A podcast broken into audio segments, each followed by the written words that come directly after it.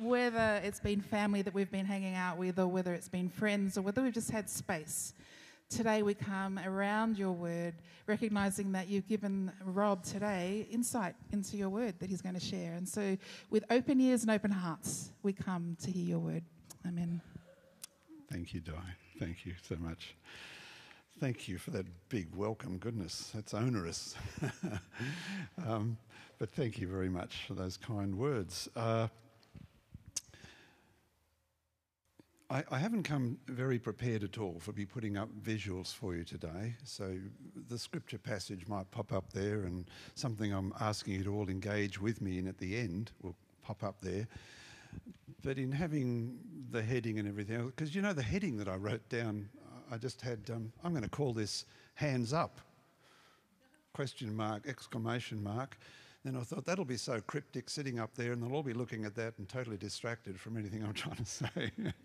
so we'll forget that. And I'm going to trust that um, you'll be able uh, uh, just to tune in with your ears and not need the visuals to help you concentrate. Is that all good? You work, work with me on that?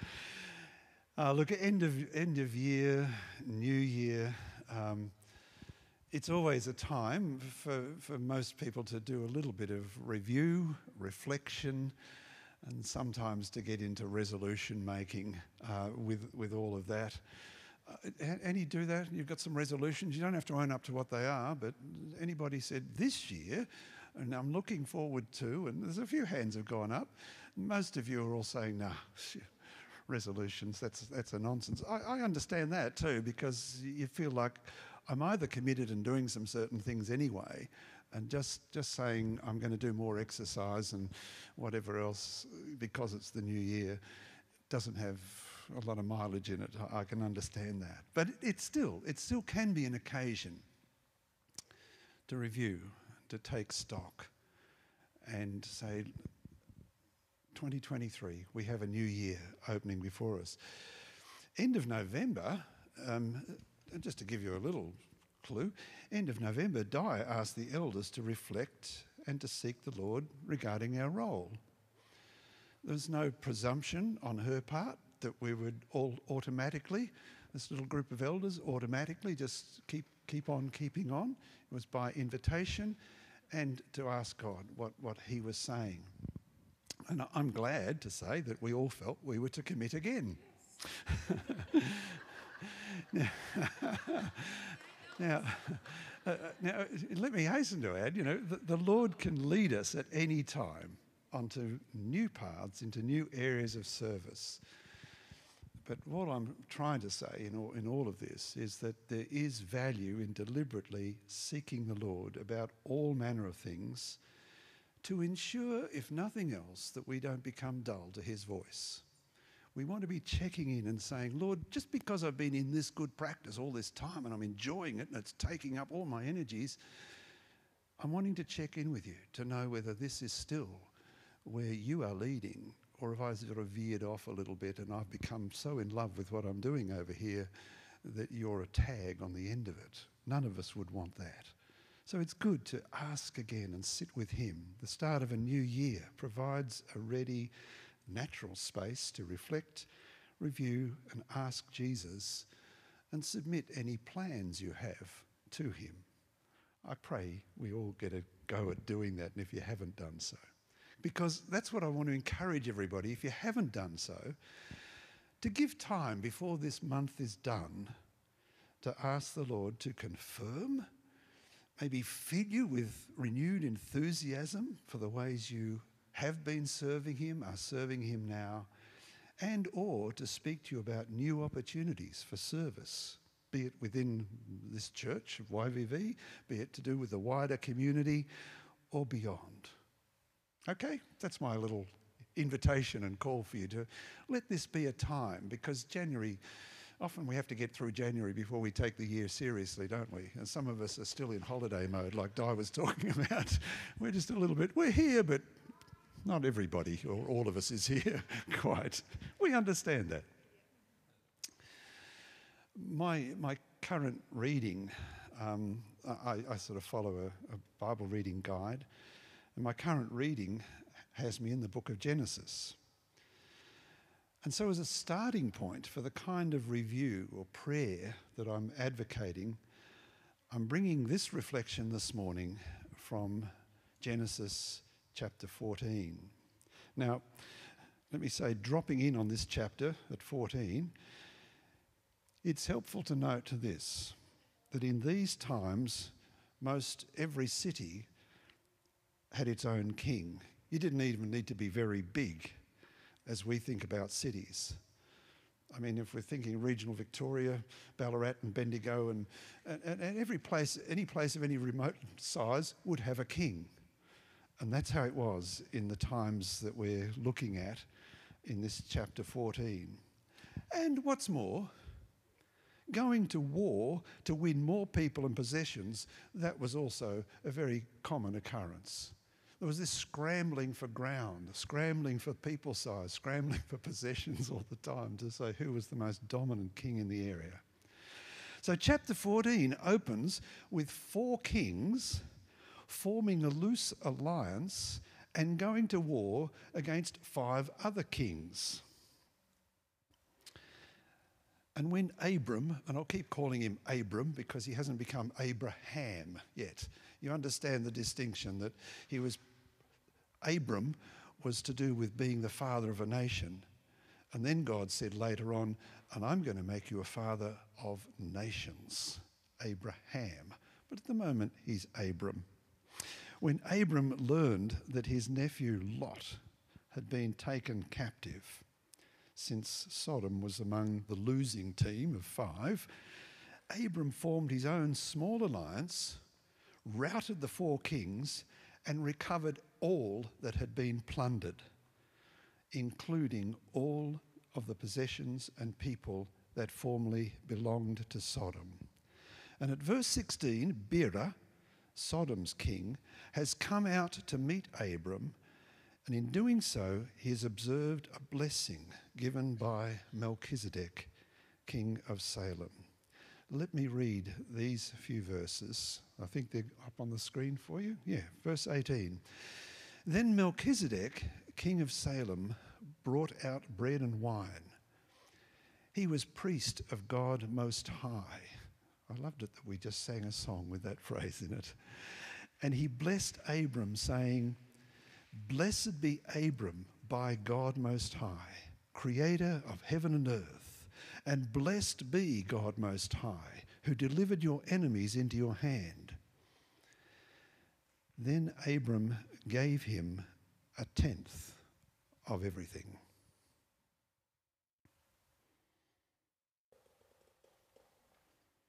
Now, Melchizedek is a mysterious figure theologians, scholars agree. They, you know, speculate in all sorts of directions about who was he? Where did this guy come from? So, popular feeling is that Salem was the early sitage of what we then came to know as Jerusalem. And it could well be that that's the case. I'm not pressing for that, but I think that sits well enough with me. Um, and in fact, there's a, a rabbi, Dov Lior, he says Melchizedek is an alias for Shem, son of Noah. There's an interesting thought. That's all it is, an interesting thought. I'm not laying it down as this is fact. It, it could be.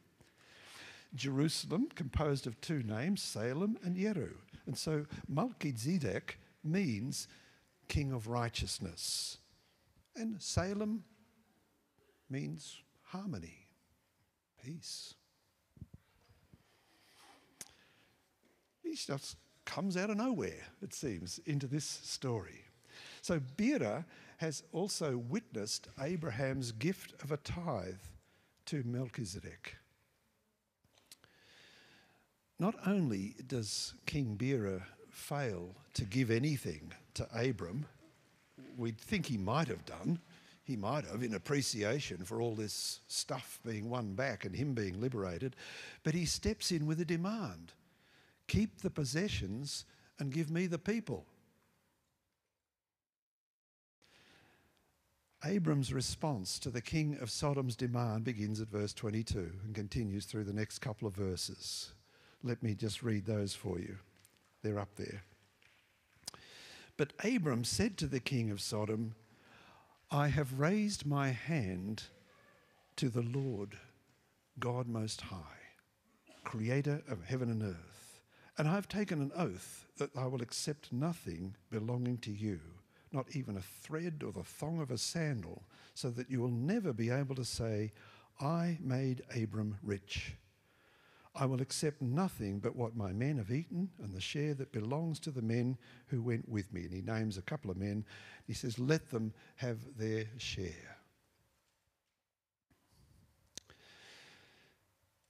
As the victor over those who had plundered Sodom, Abram could have claimed the right to keep everything to himself.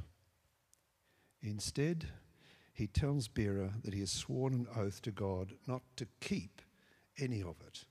Now, there's a sense in which it stayed under his care, but you've always seen, seen him give a tenth of everything to Melchizedek, this king of righteousness. And specifically, Abram says that he has raised his hand to swear this oath to the Lord, God Most High, Elyon, possessor or creator of heaven and earth. Having just received a blessing from the Lord's priest Melchizedek and giving one tenth of the plunder to him, Abram now declares his loyalty to the one who owns all things. Abram sees very clearly that he is but holding things that belong to the Lord Most High.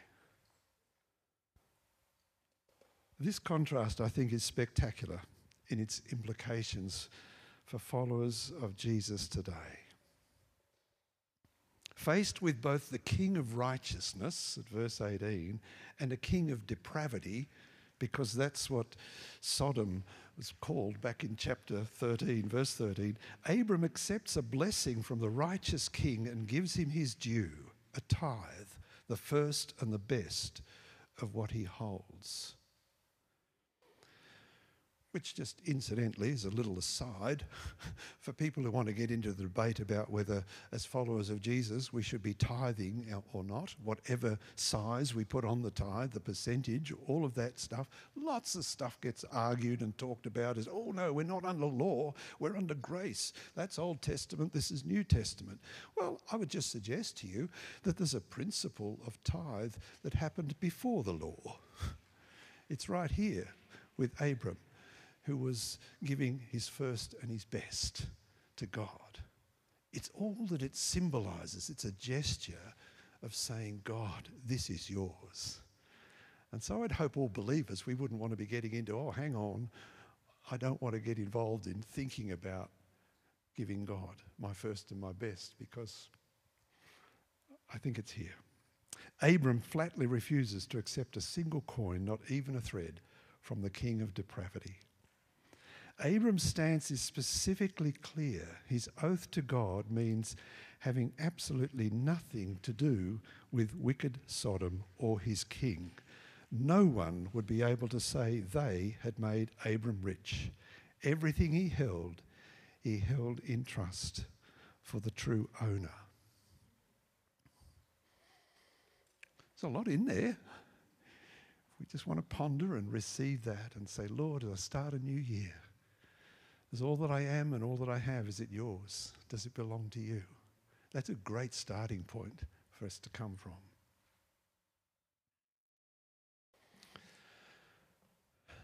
As a 17 year old, I remember responding uh, to an invitation at a conference. It was at Belgrave Heights, actually, as a conference to offer my life in service to the Lord and to be prepared to go wherever He might send me. It was a missions conference, world missions. And as a zealous young teenager, I went forward and I kind of made a pledge, something of an oath. If, even though we don't have to make oaths at all, but I, I was putting out there to God that I was putting my hand up, ready to go wherever and do whatever He wanted.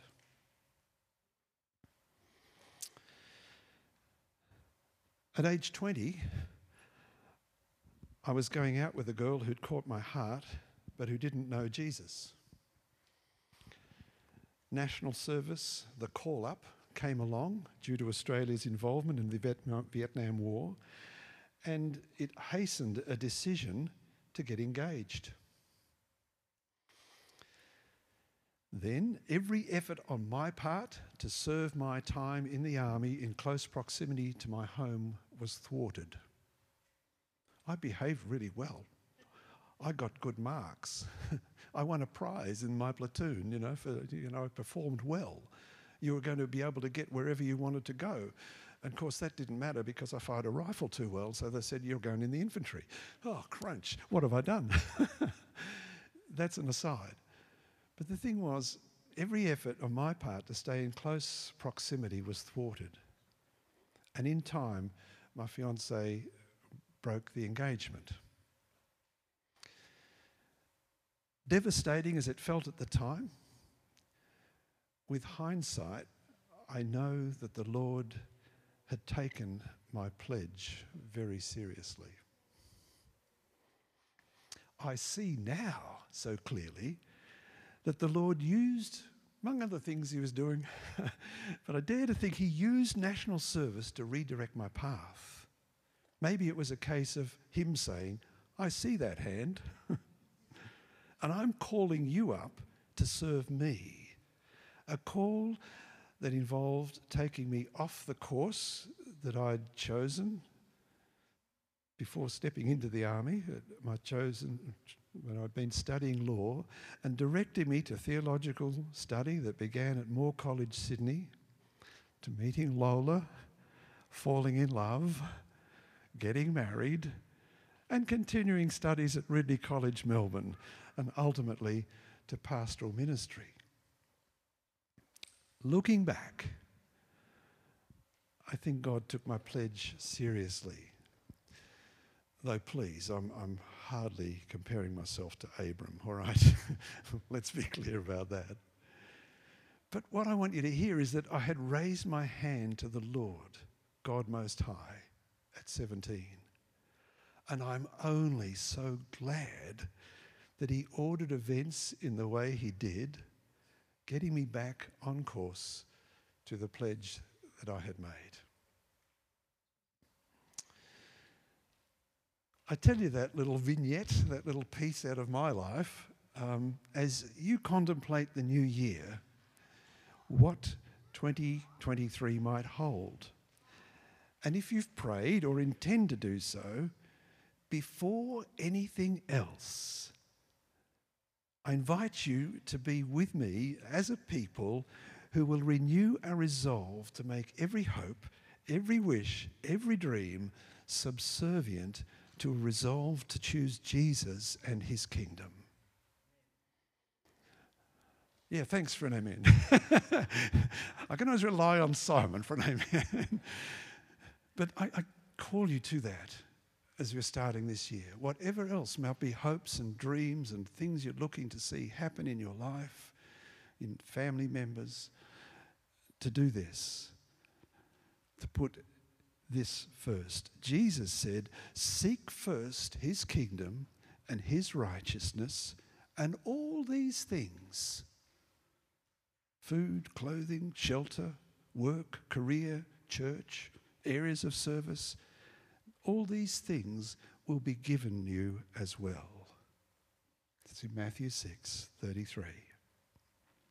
You see, this declaration made by Abram so long ago, he who is looked to as the father of faith, this declaration speaks to us today. That's the wonder of Scripture, isn't it? How can something that was said so long ago be so relevant to us today? I hope you're seeing that it is. It speaks to followers of Jesus as a call to take a stand, to renew our intent, and to pledge should it be for anyone here for the first time, certainly for most of you, I think, again, to follow Jesus. To be in earnest about that. I, don't want my decision of, of 17 or whatever other ages and stages I've had fresh encounters or points of renewal in my life to do for what needs to be done today as an old bloke now. I want to keep renewing that and not depending on, oh, I gave my life to Jesus back then and then he filled me with his spirit then and, and they were milestones. Let this new year be a milestone in the pledging that you're going to make and say, Lord, there's more. there's more that you have for me. There's more that you want to bring and do through me. And, and there's more promises that you want to fulfill in my life. And I'm not going to give up believing for that. I think that's the call that's upon us this morning. So if you're up for raising your hand in response to his call, and I put that in inverted commas, I'm going to ask you to join me in some words that can be your our pledge before we finish, okay? That's how we want us to finish today. Abram, having received a blessing from a man whose name meant King of Righteousness, he responded by giving a tenth, the first and the best of everything. This was significant. This was an action expressing the declaration of his heart. Giving a tithe like this is a very tangible way of expressing our devotion, of giving honour, of worshipping the one in whom we live and move and have our being. And as Jesus said, where your treasure is, there your heart will be also. What we do with what we have reveals or expresses our heart.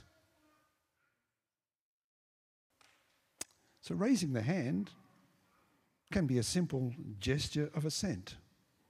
Sometimes in church, people say, hands up those and it's just, oh yeah, yeah, yeah, that's me, or I'm one of those. So it can be a simple gesture of assent, a way of saying, yes, I'm in.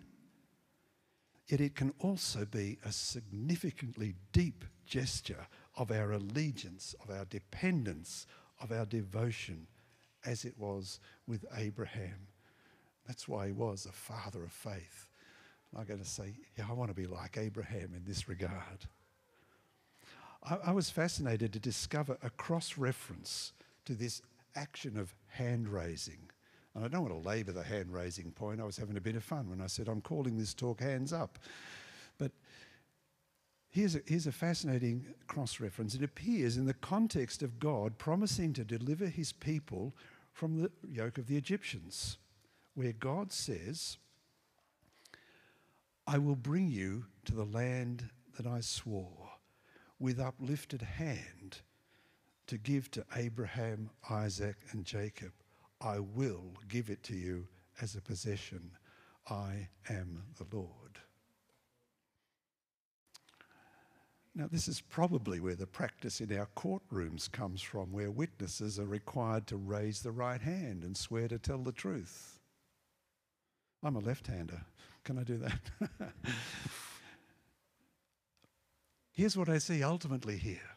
I, I love this thought that God's raised his hand. He's raised his hand towards us. He, he's made this kind of covenantal pledge. This is who I am. This is who I am to you. And this is who I want you to be to me. And I've raised my hand. This is important stuff. And ultimately, I want to suggest to you this morning ultimately, we see the love of God for us demonstrated supremely when he raised his right hand in allowing Jesus to be lifted up on a cross to bear our sins. Then he completed the action by raising Jesus from the dead and lifting him to take his place at the right hand of the Father forevermore. In Colossians 3, it says, Set your hearts on things above, where Christ is seated at the right hand of God. I find this powerful imagery. It's metaphor, isn't it? I'm not putting hands on God. He's, he's bigger than all of our physical beings. But I think it's a beautiful image, a powerful image. God says, Gotcha. You're mine. I'm extending my hand to you. And I'm inviting and calling you to raise your hand and make a pledge to me a commitment in this way. And I just want to say, Hallelujah. Thank you, Father. I see that hand where you raised Jesus and allowed him to be put up on the cross. I see your hand when you raised him from the dead to his rightful place. This is the kingdom I want to keep my eyes on, not be distracted by the, the awfulness too often in our world. To say, This is my hope, this is where I'm looking. So, folks, will you please stand with me? Because really, what I'm doing is I'm inviting everyone here. And you don't have to do a thing beyond, I've just invited you to stand. That was very kind of you to take my instruction to stand. Um, but I'm inviting everyone here to join me in this New Year resolution. So don't feel pressured to do so. If you want to think, I need more time to ponder these things, that's fine. Please do that. Feel free to simply stand. And no one needs to raise a hand, okay? but if the gesture might serve to strengthen your resolve, yeah, we are in a church that loves raising hands in worship but it's not a requirement, okay? Don't, but on the other hand, allow God to shake you a little bit because you've got to step out on the wild side. I mean, that was a word that was used in our prayer this morning about God making us a little bit more wild about our enthusiasm for Him. So simply going, Yes, Lord, I'm in, or both hands up together. We're not looking at one another here. You respond as you are ready and willing to respond. But here it is. Will you say this with me? There it is. Just take a moment to glance down the words. You've got to know what you're going to say, don't you? You're getting the direction of it.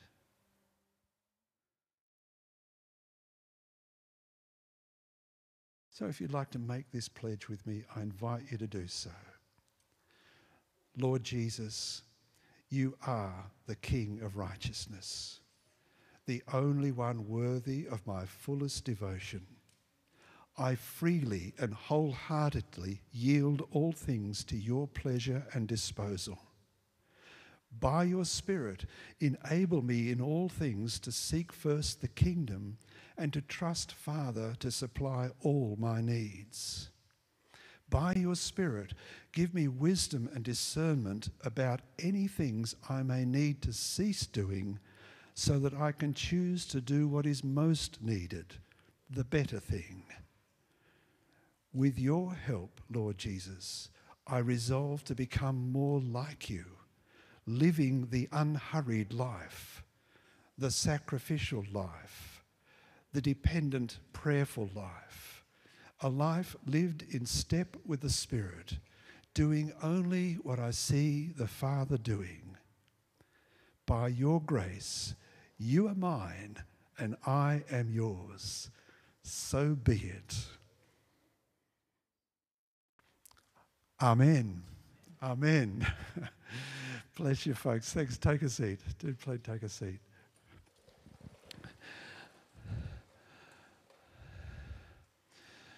Di was asking us earlier to just sit with Jesus and ask him, is he saying anything, you know, just now, and take a moment to do that. I'm so glad she did because she, she said, Will you kind of finish and do what you sense that the Lord's doing? And I said, oh, I haven't really come prepared with that. I just was going to finish with the, the pledge we we're making. Um, but I got the phrase appointed time. This is an appointed time. And uh, here's what I, I sense it means. Don't need that for a minute.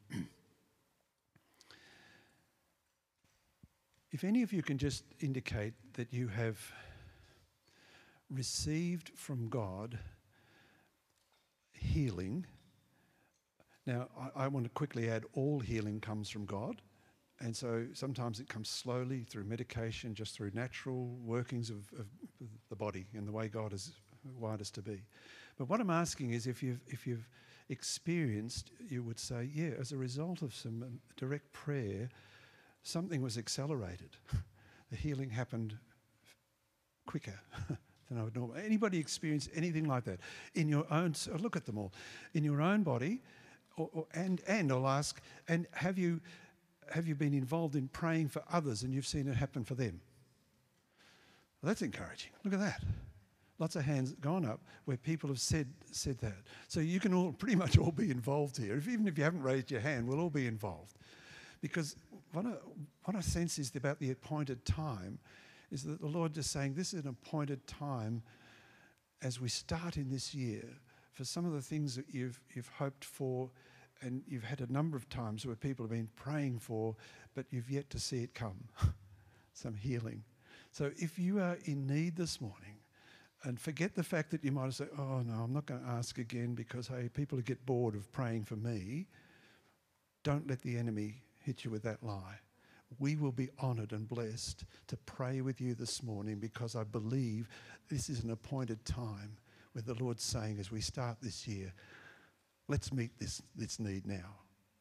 And if we can have faith together to rise to that, and I, I, ask you to think about whether you've seen it before, because hopefully that immediately raises a little bit of faith in the room that says, yeah, I've received that before, or I've seen God do it for others. So I'm encouraged. Yeah? So, what I'm asking now is please, if you would like some prayer, because I know one person especially we want to pray with um, this morning, that's Joanne. And if there are others, could you raise your hand? Just say, yep, I'd love to have prayer. Now, can others of us just look around the room so we can just spot and see if there's someone near us and begin already to move in their direction? And especially lead off with any people who're saying, hey, I've, I've received it before, some healing, or I've been involved in seeing healing happen. If you just keep the hands up, don't, don't slip them down again because we, we really want to pray for you, but it will involve some movement now. People need to pop up, look around, and join others. We'll have little clusters please.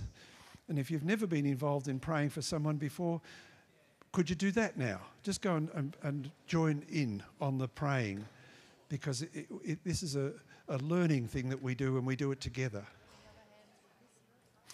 Anybody we haven't seen yet, you slipped your hand up and nobody saw it. Because please don't miss out. We, we want to pray for you. Okay? All right?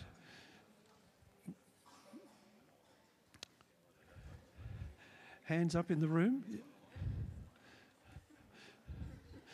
So I think some of you already started doing it. You're sharing what the issue is. That's great. And let's practice the thing of being ready to pray with our eyes open. the person being prayed for, feel free to close your eyes. But otherwise, let's be praying with our eyes open to see what we may sense the Spirit is doing. Come, Holy Spirit. Come, Holy Spirit believing that this is an appointed time for you to move and to be ministering healing into people's bodies today.